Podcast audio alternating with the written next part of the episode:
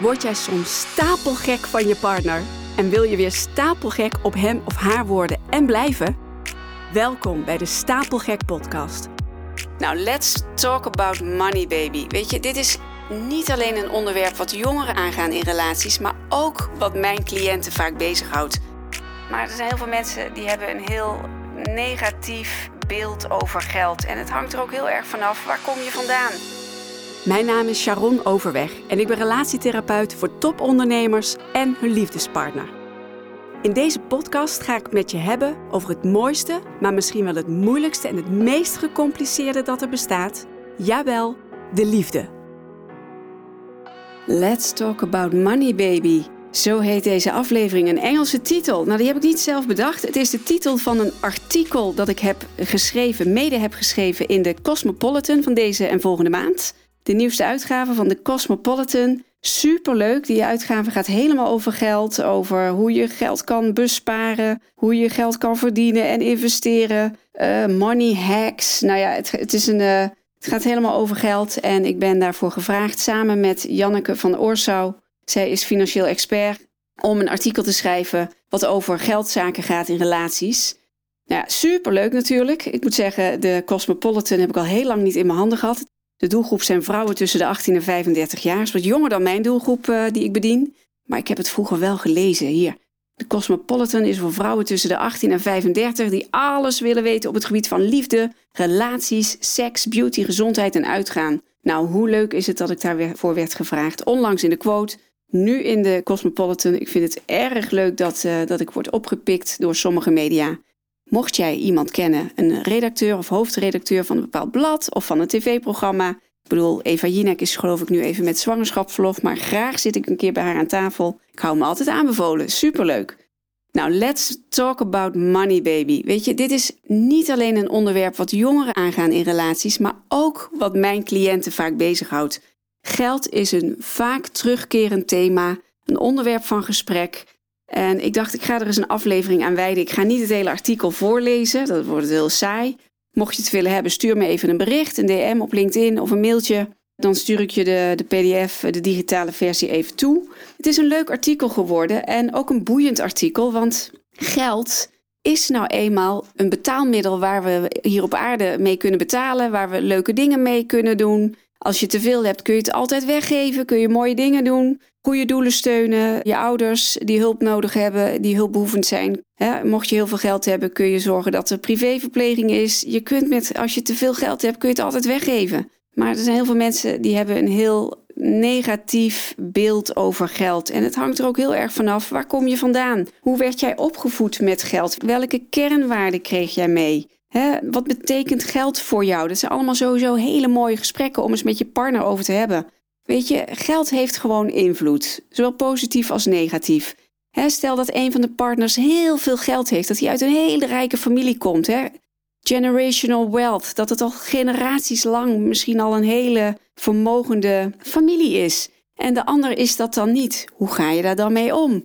Hoe worden de rekeningen betaald? Wordt de hypotheek betaald als er überhaupt nog een hypotheek is? Misschien is, is alles in overvloed. Hoe ga je daar als vermogende partner mee om, maar ook als partner die dat niet gewend is?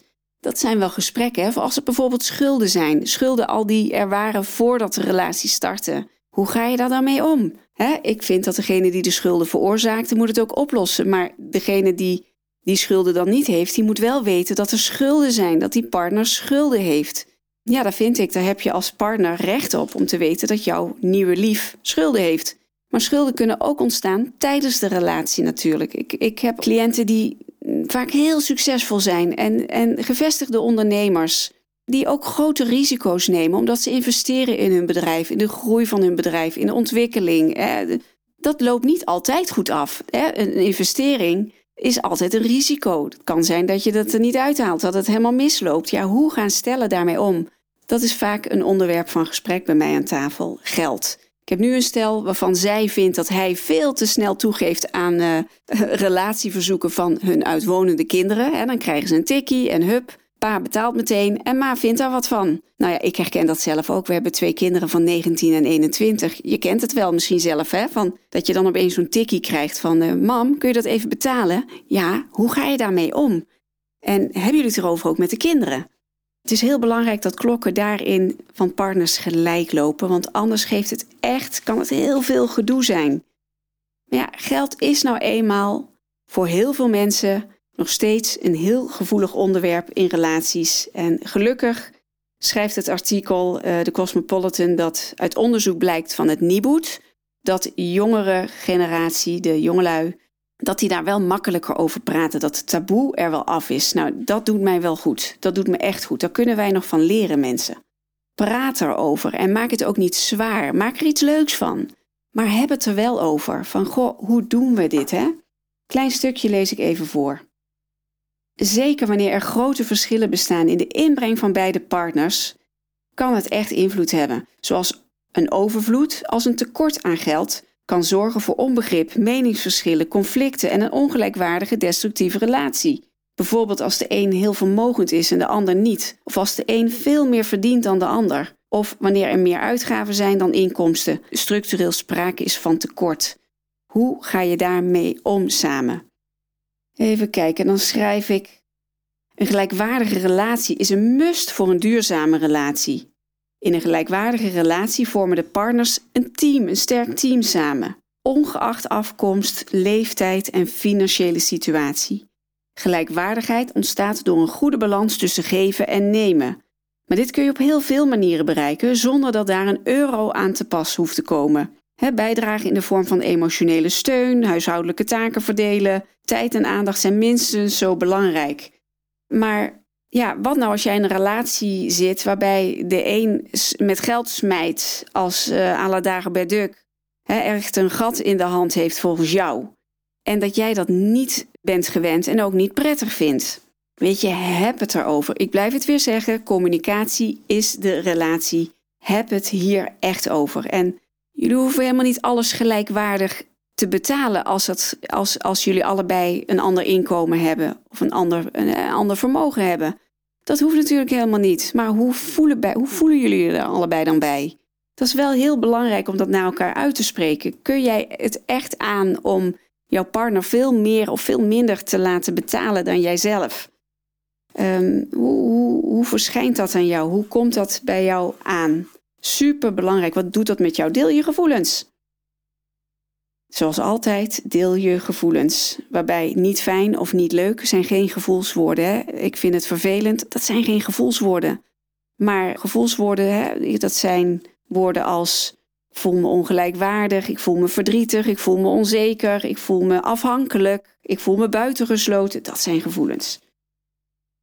Ja, dus ja, eh, als er schulden zijn of als er als er te weinig geld is, je kunt je rekeningen niet betalen, maar ook als er heel veel geld is, kunnen er dus zorgen zijn. Er kan heel veel stress door ontstaan.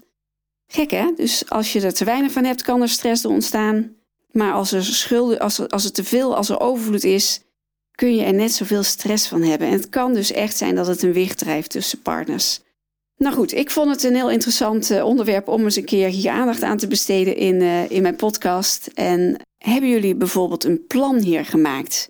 Janneke van Oorsouw, met wie ik dit artikel heb geschreven, die stelt: eh, maak eens een plan hoe jullie met geld omgaan. Is er bijvoorbeeld een gezamenlijke rekening waar je geld voor vaste lasten, boodschappen en vakanties op stort, waar dat van wordt betaald? hoe, ziet die, hoe ziet dat eruit? Wat, wat, hoe is de verhouding? en bepaal ook eventuele spaardoelen voor gezamenlijke grote uitgaven. voor een woning of een nieuwe auto, een reis. En zorg ook dat jullie allebei een eigen rekening hebben. Super belangrijk. Dat vind ik ook echt uh, zelf heel belangrijk. En ik zeg ook altijd: als je, als je gaat trouwen, doe dat op huwelijkse voorwaarden. Ik hoor wel eens dat mensen dat heel onromantisch vinden. Maar joh, weet je, als je weet dat bijna de helft van de stellen gaat scheiden. Dat hadden ze natuurlijk allemaal van tevoren helemaal niet bedacht en gewild. Maar toch gebeurt het. Het wordt alleen maar meer. Regel het van tevoren gewoon goed, zodat je er achteraf geen gedoe over krijgt. Ik ben daar echt een voorstander van. Hopelijk zijn ze nooit nodig, die huwelijkse voorwaarden, maar wees ook realistisch. Het kan ook anders gaan dan je denkt.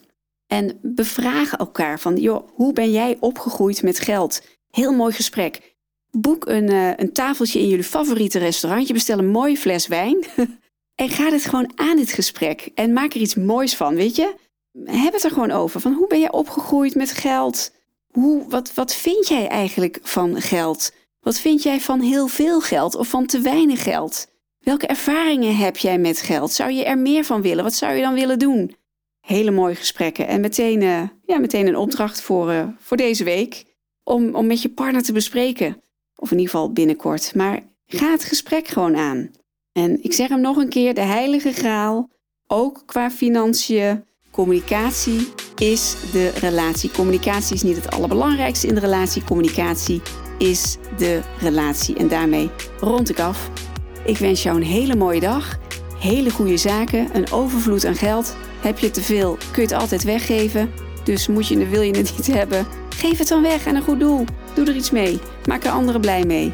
Nou ja, mocht dit een thema zijn in jullie relatie dat, uh, dat vaak voorkomt, mocht dit spelen, mochten jullie hier samen niet uitkomen door hier een opbouwend, constructief gesprek over te voeren, laat het me weten. Laten we in contact komen. Ik kan jullie hier heel goed bij begeleiden. Ik kan jullie heel goed helpen.